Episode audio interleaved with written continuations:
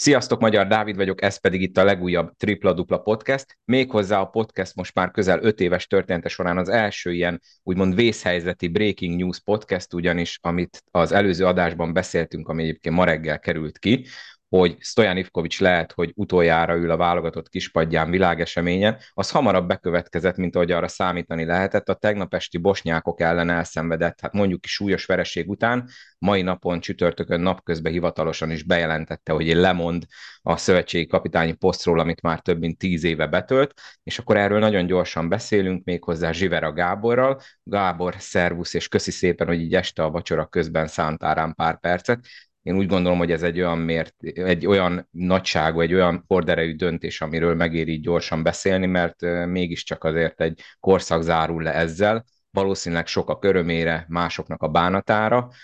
Téged mennyire ért meglepetésként, vagy nem meglepetésként ez a döntés? Szervusz, és köszöntöm én is a hallgatókat. Igazából ez nem volt meglepetés, és azért nem volt meglepetés, mert a, aki olvasta már, vagy hallotta Ivkovics nyilatkozatait az utóbbi hetekből, inkább így tudok, így tudok fogalmazni, az tudta, hogy valami készül, vagy készülődhet, és ez azt gondolom, hogy eredményektől és minden egyébtől független volt. Úgyhogy nem, nem volt váratlan, igazából az időzítése se volt váratlan, szerintem itt nem, nem az eredmények körül kell keresnünk a válaszokat. Az ugye, hogy ezt mi is beszéltük Danival az előző epizódban, hogy már belebegtette Ivkovics, hogy a döntését már meghozta ezelőtt az olimpiai selejtező előtt, és közölte is a csapattal Kecskeméten. Tudjuk nagyon jól, hogy nem volt reális esély az, hogy minden tovább jussunk. Tényleg én megmondtam előre, meg én vállalom, hogy azt mondtam, hogy tényleg ez, ez esélyek, esélyek nélkül megyünk ki. Néha talán úgy is érződött, hogy ez egy ilyen kicsit ilyen, ilyen kényszerből vagyunk ott, le kell tudni, lehet, hogy ott augusztus közepén a klubok felkészülés előtt ez senkinek nem hiányzott, de ez így mentalitásban szerinted mennyire volt negatívum, hogy ezt így már lehetett tudni, hogy bármi is lesz, akkor ő, ő távozik ezután az olimpiai selejtező után, mert azért ugye lehet róla bármit gondolni, mármint Ivkovicsról, bárki bármit mondhat róla, de a játékosok mindig azt mondták, hogy tűzbe mennének érte, és nyilván nincs okunk azt feltételezni, hogy nem őszintén mondják, és én is, amikor ott voltam velük több alkalommal is Kecskeméten az edzőtáborban, akkor azt láttam, hogy tényleg, mint hogyha egy család lenne, és ez ugye nem csak egy ilyen szólás Ivkovicstól, amit mindig pufogtat, hanem ez tényleg így érződött számomra is. Nehéz, de jó kérdés, amit feltettél két oldalról fognám meg. Az egyik, hogyha ilyen helyzet áll elő, akkor egy csapat reagálhat szélsőségesen így, vagy szélsőségesen úgy. A szélsőségesen úgy az az, az hogy akkor, hogyha tudja, hogy ez egy ilyen less dance, áll a Phil Jackson és Chicago Bulls, akkor, akkor nyilván lehet egy közösség ilyen esetben még inkább energizált és még inkább motivált és azt kell, hogy mondjam, hogy ha mondjuk az első meccsből indulunk ki, akkor ez szerintem ez egyébként teljesen helytálló volt. Tehát a, a velünk most így ebben az összeállításban hasonló játékerőt képviselő, de egyébként előrébb meg esélyesebbnek jegyzett lengyelek otthonában tudtunk velük egy nagyon jó meccset csinálni, 15 pontról álltunk fel, volt esélyünk a végjátékban, tehát hogy addig rendben volt, és igazából a nyilatkozatok is egybevágnak ezzel, hogy utána már el volt, el volt ez a dolog engedve, egyébként valahol érthető okokból, illetve hogyha most itt nagyon szakmázni akarnánk, akkor én azért nem fedném meg semmilyen esetben sem Ivkovicsot, a stábot, meg a csapatot, hogy mi történt a, a másik két mérkőzésen, mert az, azért elég hosszúra nyúlt Ivkovics érában az volt a jellemző, hogy mindig mindenből tudott motivációt meríteni a csapat, és persze volt előző Európa-bajnokság, ahol sokkal, nálunk sokkal erősebb csapattól kaptunk ki simán, de összességében azt lehet mondani, hogy tényleg a, a hozzánk hasonlóan jegyzett csapatokat általában inkább azért megvertük, meg jó, jó versenyre tudtuk késztetni, és, és elelkaptunk azért nálunk erősebb kosárnemzetek csapatait is. Tehát igazából most az, hogy ebben a, ebben a három mérkőzésben mi történt, több minden nem volt úgy, mint ahogy egyébként az jellemző volt az Ivkovics érában összességében, de azt gondolom, hogy akár a, a hogy mondjam, a tét, a realitás és az összkép szempontjából szerintem nem az alapján kell megítélni sem Ivkovicsot, sem a stábját, sem pedig a, a, az egész válogatottat. Ha válogatott oldaláról beszélünk egy kicsit ebben a, ebben a helyzetben, tehát hogy ez biztos, hogy ezeknek a játékosoknak letaglózó volt, mert hogyha Ivkovicsról elmondja, vagy elmondta már sok mindenki előttem, meg előttünk, hogy ő alapvetően egy megosztó személyiség, ugye a megosztóságnak az is egy faktora, hogy akik viszont ugye vele vannak, azok mennek és, és, és harcolnak érte is, és tényleg tudott ezen belül egységet teremteni a, a mindenkori válogatott csapatoknál, bárki képviselte a válogatottat bármilyen verseny az ő irájában, az biztos volt, hogy az a, az a játékos az hajt és meghal a címeres mezért. Úgyhogy összességében azt lehet mondani, hogy nem volt várat, nem, tehát várható volt az, hogy ez inkább egyébként megzavarja a, a társaságot, vagy hogy mondjam, nehéz ezzel mit kezdeni, nehéz ezt megemészteni. Ezt láttuk szerintem a, a, követ, a másik két mérkőzésen, hozzárakva azt is, hogy ugye elment a reális esély, és nyilván a rotáció is onnantól kezdve azért már változott, és a terhelés sem bírta az a csapat, mely nem, nem, nem megbántva a fiatalokat, de olyanokkal, olyanokkal is felállt, akiknek semmilyen tapasztalatuk nem volt még felnőtt, komolyabb felnőtt nemzetközi szinten.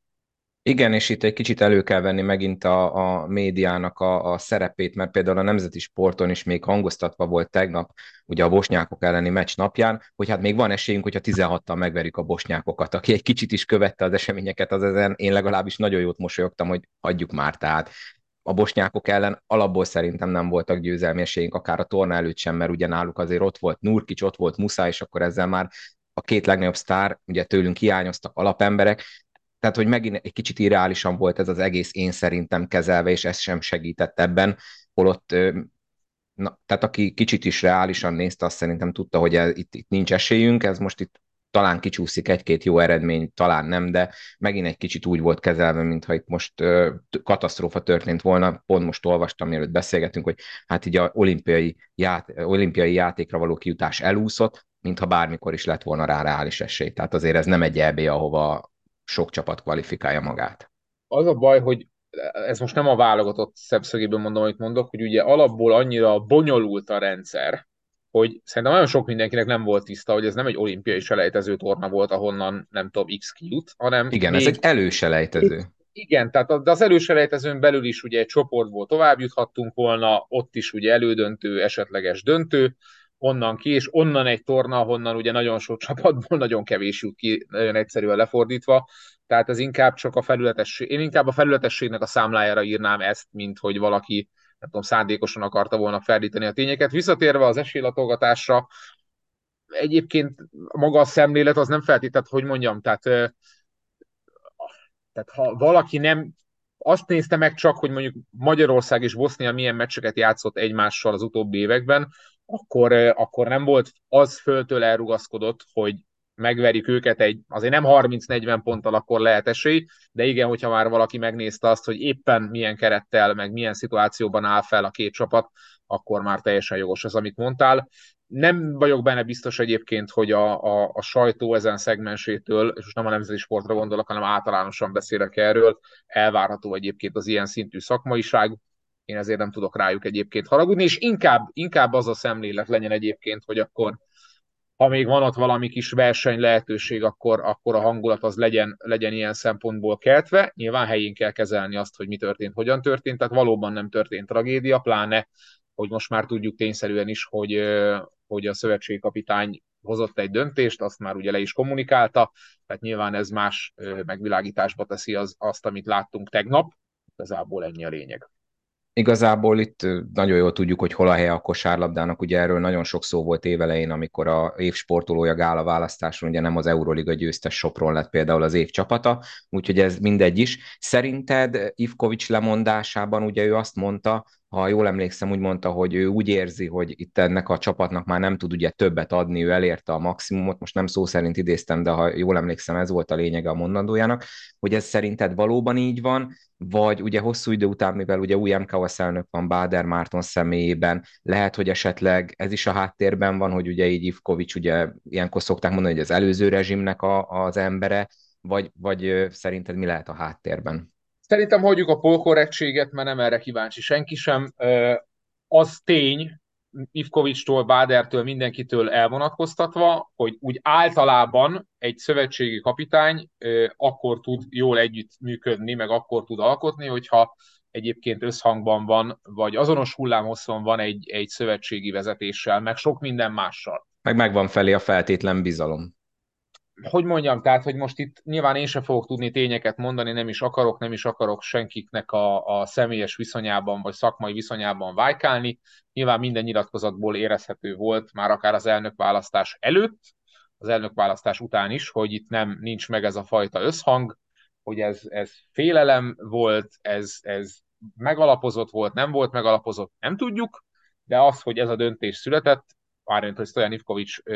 szemszögéből, az, az biztosak lehet. Tehát majdnem, hogy biztosak lehetünk benne, hogy nem azért volt, mert nem tudom most milyen eredményt ért el, vagy érhetett volna el a, a következő időszakban a válogatott. Megjegyzem, hogy azért ez a ki meddig edző egy adott, adott helyen téma, most ettől függetlenül is egy érdekes szituáció, hiszen azért az edzők úgy egyébként is könnyen meg gyorsan halnak, illetve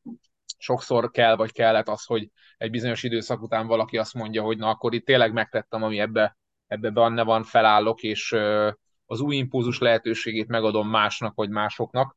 Tehát én azt gondolom, hogy ha mindent félreteszünk, nem lehet azt állítani, hogy Ivkovicsal ne lehetett volna úgymond maximalizálni az eredményeket, vagy ő bárminek gátja lett volna, én ezt nem látom, vagy nem gondolom, hogy csak a szakmáról beszélünk, de azt el tudom fogadni és tudom tisztelni mindenféle emberi viszonytól függetlenül, hogy ő egy tényleg ö, sikeres időszakot le tudott zárni, és most a zárásnak ne a, a, a utóbbi három meccset vegyük, hanem úgy egyébként a teljes időszakot, és azt mondta, hogy most akár neki, akár a csapatnak kell egy, egy megújulás, és hát már ugye történt ilyen korábban, hogy Stojan Ivkovics felállt a válogatott padjáról, jöttek mások kapitányként, majd ő visszatért, és nem akarok ezzel a, a jövőre utalni, de hogy... Én ezt egyébként fel akartam hozni később, hogy lehet-e még egy ilyen, hogyha majd mindjárt beszélünk arról, hogy ki lehet esetleg a következő, hogy utána ő visszaugrik, ha nem jön tehát be. Az életkorát, frissességét bármit tekintve akár lehet, tehát hogy ezt nem, semmilyen szinten nem zárhatjuk ki, de azt akartam ezzel kapcsolatban mondani, hogy azért, hogyha az ő két kapitányi időszakát összehasonlítjuk, nyilván az egyiknek a hossza sokkal hosszabb volt, mint a, mint a korábbi,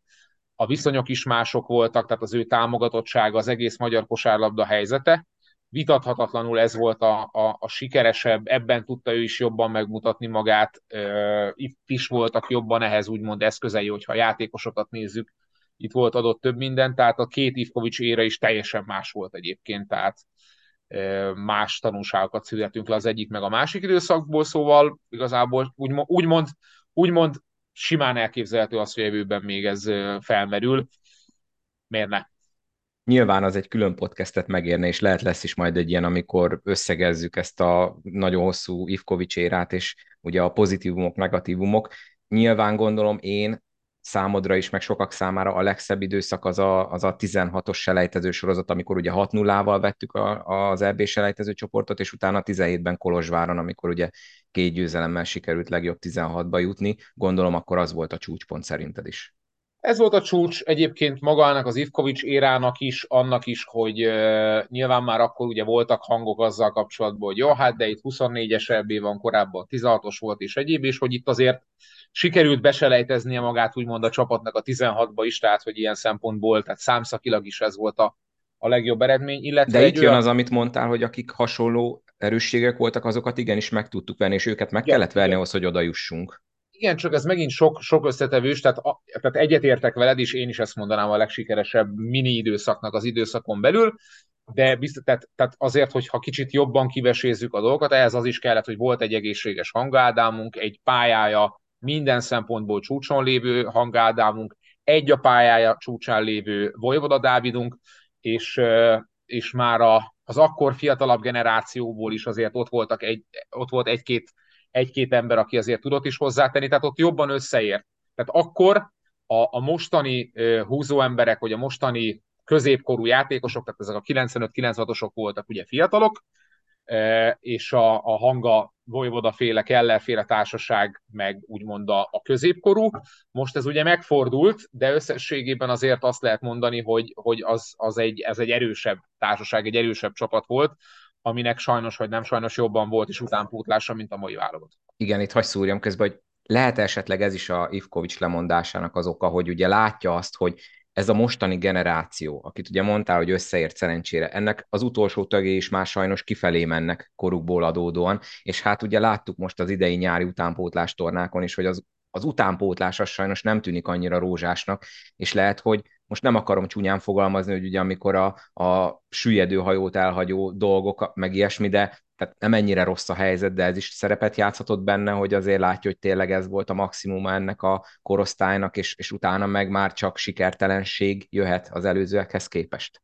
Lehet ez tényező, de én azt gondolom, hogy ha ezt fognánk meg, ez talán egy pici sportszerűtlen lenne, és illetve én kicsit belemagyarázásnak gondolom, és elmondom, hogy, hogy miért gondolom így, amellett, mert egyébként maga, maga a tény, vagy a nem is tény, tehát amit látunk, az, az ez, amit te is mondasz de összes, tehát hogyha most ilyen fiatalabb játékosokról beszélünk, leginkább itt a Somogyádit tudjuk szerintem kiemelni, vagy a Lukács Norbit például, tehát hogy ezek olyan, tehát vannak olyan fiatalok ma is, a fiatal alatt értem most a 23 év alatti játékosokat, úgy, unblock, tehát ebben a generációban is vannak olyanok, akik, akik, akiket egyértelműen Ivkovics építeni akar, akart, és most nem az építés, hanem azt gondolom, nem arról beszélek, hogy most csak oda hívta őket a válogatotthoz tapasztalatszerzés gyanánt, hanem hanem, hanem az, hogy tett egyébként rájuk terhet, adott nekik felelősséget, és a hétköznapokban is úgy kommunikál, vagy kommunikált velük, hogy, egy, hogy érezhető az, hogy az ő fejlődésük, meg az ő előremenetelük fontos számára, úgyhogy én ezt, én ezt le, tehát vehetjük ezt egy, egy, hogy mondjam, egy érdekességnek, vagy egy idevágó dolognak, de nem nagyon hiszem, hogy amikor ő a nap végén elszámol magával, meg elszámolt azzal, hogy itt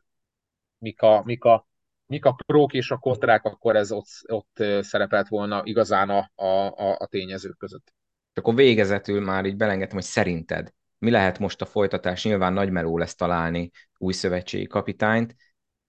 Te külföldit vagy magyar tudnál inkább elképzelni, ha magyart, akkor kit? Ugye láttuk, hogy Váradik Kornél ugye itt most komoly szerepet kapott utánpótlásnál, de ő most elment klubedzőnek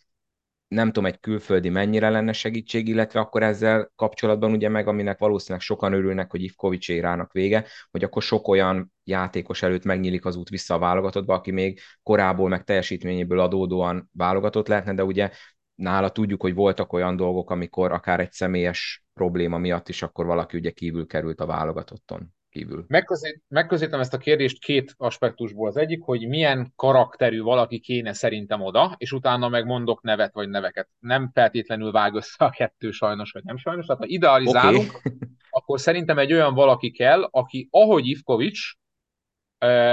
a, nem, a, nem a mindenki között, de tudott valamiféle egységet kovácsolni. Ezzel azt értem, hogy azok, akiket ő kiválasztott a válogatottba, azok tényleg el is mennek, el is mentek szívesen a válogatottba,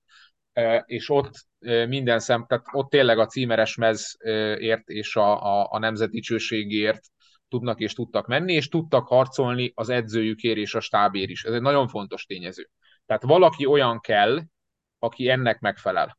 A szakmai dolgok kapcsán pedig én is azt gondolom, hogy, hogy ha úgymond körön belüli, ha körön kívüli, már mint a kör, kört úgy értem, hogy a mostani stábnak a tagjairól beszélek, tehát itt Por Péterről beszélek, a már által is említett Váradi Kornéról, illetve Forrai Gáborról, tehát ha közülük lesz valaki, ha nem közülük lesz valaki, akkor is ezeknek meg kell felelni, és, és igenis meg kell, hogy mondjam, nem meg kell, ezt nem nekem kell kimondani, de érdemes szerintem megpróbálni ha nem is mindenkit, de, de pár olyan embert is, aki, aki bármilyen okból, de most nem lehetett ott a, a, a válogatottnál, úgy, hogy azoknak a játékosoknak el kell fogadni a, a, az ottani játékszabályokat, mert az is biztos, hogy ha visszagondolunk az Ivkovics éra előtti időszakra, akkor az sem állapot, és az nyilván itt most 15-20 évvel ezelőtti dolgokról is beszélünk, hogy mondjuk a mindenkori legjobb játékosunk azért ne jöjjön el a válogatottba. Teljesen más rendszer volt, mert mondjuk nem tudják kifizetni a biztosítását, vagy mert vagy mert konfliktusa van a, akár egy másik játékossal, akár a szövetségkapitánya. Tehát, hogy amikor az Ivkovics érából felhozzuk ezeket, akkor sajnos vagy nem sajnos E, eszünkbe kell, hogy jusson, hogy ez hogy volt annál rosszabb is. Korábban is. Uh-huh. Igen, nem is az, hogy rosszabb, hanem előfordultak ugyanilyen jellegű dolgok akkor is. Hát akkor, tehát korábban is megesett, hogy ha időszakosan is, de akár egy, akár egy Dávid Kornél nem volt válogatott például olyan időszakban, amikor, amikor alkothatott volna, és nem FIBA meg ULEB harcok voltak és egyebek. Ha nevekről beszélünk... Bocs, még én... mielőtt nevet mondasz, az hogy stílusban milyen ember kell. Ugye Stojanra jellemző ez a nagyon kontrollált kosárlabda, sok cserével, ezt ugye sokan nem is szeretik, mert megtöri a játékritmus, sokan mondják ugye, hogy nem tud valaki bemelegedni, hanem rögtön ugye padra kerül, és hát én szerintem egy kicsit idejét múlt is ez a nagyon kontrollált kosárlabda, mert látjuk, hogy hogy fejlődik körülöttünk a többi csapat, és a, a rohanós, a sok triplával dobós, és ugye nekünk sajnos az sem ment sokszor, tehát, hogy lehet, hogy érdemes lenne akkor valaki olyat, aki egy kicsit így, most csúnyán mondom, hogy a modernek felfogást testesíti meg? Az Vagy a baj, járok? az, az a baj, hogyha ha most ezzel ö, akarom bármilyen szinten minősíteni, ö, vagy véleményezni azt, hogy ebben az érában milyen játékstílust választottunk, nem tudom, és nem is akarom Ivkovicsot elővenni azért, mert ő alapvet, persze vannak légiósok, akik külföldi bajnokságokban játszanak, de ugye zömében mindig Magyarországon játszó játékosokból áll, állt a válogatott, és sajnos, hogy nem sajnos, azt kell mondani, hogy a magyar bajnokságra jellemző az a fajta játéktempó vagy játéktempó hiány, amit most te is megemlítettél a válogatott kapcsán. Tehát, hogyha egy, egy tehát Ivkovicsra szerintem alapból elmondható az, hogy, hogy ő inkább van egy rendszere, és ahhoz keres játékosokat, de hogyha ő fordított edző lenne, és a játékosokhoz keresne, vagy keresett volna, akkor is valószínűleg ebben az időszakban zömében, eh, hogy mondjam, ehhez, a, ehhez az eszköztárhoz kellett volna nyúlnia. Uh-huh. Az, hogy a magyar kosárlabda úgy, úgy unblock, nem tudom, Valério Vincenttel például, hogy most mondjak olyat, aki fiatal, feltörekvő, és nincs ott jelenleg a válogatottban, de akár oda kerülhet, meg tudjon honosítani magas szinten egy ilyen játékstílust, az lehetséges, de biztos, hogy nem, nem egy-két éves táblatban történik, megtörténhet ez. Vagy például mondjuk egy Somogyi Ádámnak a játékára milyen hatással lesz, hogy a magyar bajnokság helyett a spanyolban játszik, úgyhogy ő egy irányító, egy játéktempó diktáló valaki lesz. De beszélhetnék itt más játékosok, akár Váradi kapcsán, hogy ugye és egy, egy másik bajnokságban, egy nagyobb szerepkörbe kerül el. Tehát, hogy itt azért a játékosoknak a karrier alakulása nagyon, sok, nagyon sokban meghatározza ezt. Ahhoz, hogy ebben változás legyen, szerintem alapvetően a magának a magyar kosárlabdának kéne változnia és változtatnia. És Mészáros Zalán volt az, aki egy remek interjúban korábban kivesézte ezt, hogy ugye mi a, milyen, milyen stílusban érdemes, ki kéne találni a saját stílusunkat. Tehát, hogy Nyilván, nyilván lehet nagyon kontrollált kosárlabda, lehet, lehet. Tehát most beszéltünk végletekről, meg ilyen egyszerűen megfogható dolgokról. Szerintem meg kell találni azokat a játékosokat, azokat a fiatal, beépíthető játékosokat, akikre lehet, lehet számítani. Ezt például még egyébként az Ivkovics éra előtt, azt hiszem Branislav Zunic idejében például Vojvoda és Hanga esetében nagyon szépen megtalálta az akkori válogatott, és ugye Ivkovics nagyon szépen épített is erre végig. Meg kell találni azt a két-három játékost, akire rá lehet húzni a stílust, és akik mellé, köré lehet csapatot építeni.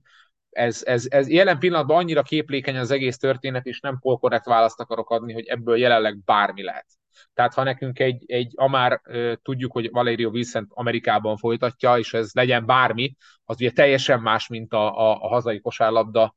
stílusa és tempója. Beszéltünk már ugye Somogyi Ádámnak az odaigazolásából, ott van egy Maronka Zsombor, aki, aki most éppen Litvániában folytatja, de spanyol kosárlabdán szocializálódott az előző hét évben. Tehát, hogy van több olyan karakterünk, akik, akik, akik simán tudnak vagy tudhatnak másfajta játékrendszerben vagy stílusban is érvényesülni. Úgyhogy én nem, nem jelenteném ki azt, hogy most ilyen vagy olyan játékstílusú kell. Olyan, olyan karaktermenedzselő is, és hogy mondjam, ilyen nagy tiszteletben álló valakinek kell jönnie, ha hazai szakember, ha külföldi, aki, aki tud csapatot építeni ezen a szinten, és tud, tud beszélni ezeknek a játékosoknak a nyelvén, és azt a rendet, meg azt a fegyelmet, ami egyébként megvolt az Ipkovics alatt, azt fent tudja tartani. Na és akkor ugye szabadba vágtam, már épp a neveket akartad volna mondani a saját benyomásaimra hagyatkozok, senk, tehát hogy tényleg nem, nem infókat szivárogtatok, nem is tudnék, mert nincsenek ilyen információim egyáltalán. Ha azt kell megnéznem, hogy a mostani stábból szerintem kinek életkorban, karrierben, minden egyébben ki az, akire legjobban illhet az, hogy most a magyar válogatott szövetségi kapitánya legyen, és itt most nem feltétlenül a az elmondott kritériumoknak megfelelő valakit akarok, hanem itt a személyből indulok ki, akkor én Forrai Gábort mondanám, azért, mert, mert, hogy mondjam, egyrésztről rengeteget szívott, vagy szívhatott magába, mint a válogatott stábtagja, ami egyébként igaz Sport Péterre és Váradi Kornélra is. Én azt gondolom, hogy Váradi Kornélnél ő azért lényegesen előrébb tart edzői szempontból, tapasztalatban mindenképpen, karakterességben mindenképpen, és elfogadhatóságban is mindenképpen, tehát hogyha úgymond, úgymond körön belüliek közül kellene valakire tippelnem, akkor én mindenképpen rátippelnék, és a személyes véleményem az, hogy, hogy egyébként persze vele kapcsolatban is akármi, akár mások is mondhatnának bármilyen, hogy mondjam, mindenkivel vele lehet kötni, hogyha bele akarunk kötni, de hogyha nekem kell egy magyar edzőt mondani, aki most ebben a pillanatban átvehetné ezt, és szerintem alkalmas, akkor Forrai Gábort én mindenképpen mondanám ide, de nem lepődnék meg rajta, hogyha ha, ha egy olyan, akár olyan külföldi lenne, akinek van bármi köze Magyarországhoz, de akár olyan külföldi lenne, aki, aki egyébként, akiről úgymond nem hallottunk még itthon, és egy olyan integráló név, aki ebbe beleáll, de az a lényeg, hogy az tényleg álljon bele, tehát hogy most, bocsánat, hogy futball példával e, szolgálok, de ne, nem, a, nem a következő Lothar Mateuszt keressük, tehát aki, aki egyébként egy baromi nagy név, de, de, de nem bántani akarok onnan se senkit, de aki, aki gyakorlatilag inkább a, a saját karrierjét építette, és egy, inkább egy ugródeszkának próbálta használni a, a, a, a, a magyar sportközeget, és, és, és abból építkezni, és nem annyira, nem igazán ismerte, vagy nem jutott el oda, hogy rendesen megismerje egyáltalán ezt a közeget, és reális döntéseket tudjon hozni. Inkább akkor a Márkó Rosszit keressük, ha jól sejtem. Igen, igen, igen, igen, igen, igen. Bizonyos szempontból a következő, tehát hogy ha most így csak a szövetségi kapitányi kvalitásokról beszélünk, akkor valahol a következő Ivkovicsot keressük egyébként. Na hát akkor ennél talán nem is kell jobb végszó. Gábor, nagyon szépen köszi még egyszer, hogy így este rendelkezésre álltál. További szép estét neked. Köszönöm, sziasztok! Nektek pedig köszi szépen, hogy meghallgattatok, mivel mondom, ez egy ilyen villámpodcast volt, most se zene az intróba, se a végén, minden esetre hallgassátok meg az előző epizódot is, amiben ugye az igazolásokról, meg az elmúlt két hét híreiről beszélünk, és akkor találkozunk legközelebb, vigyázzatok magatokra, sziasztok!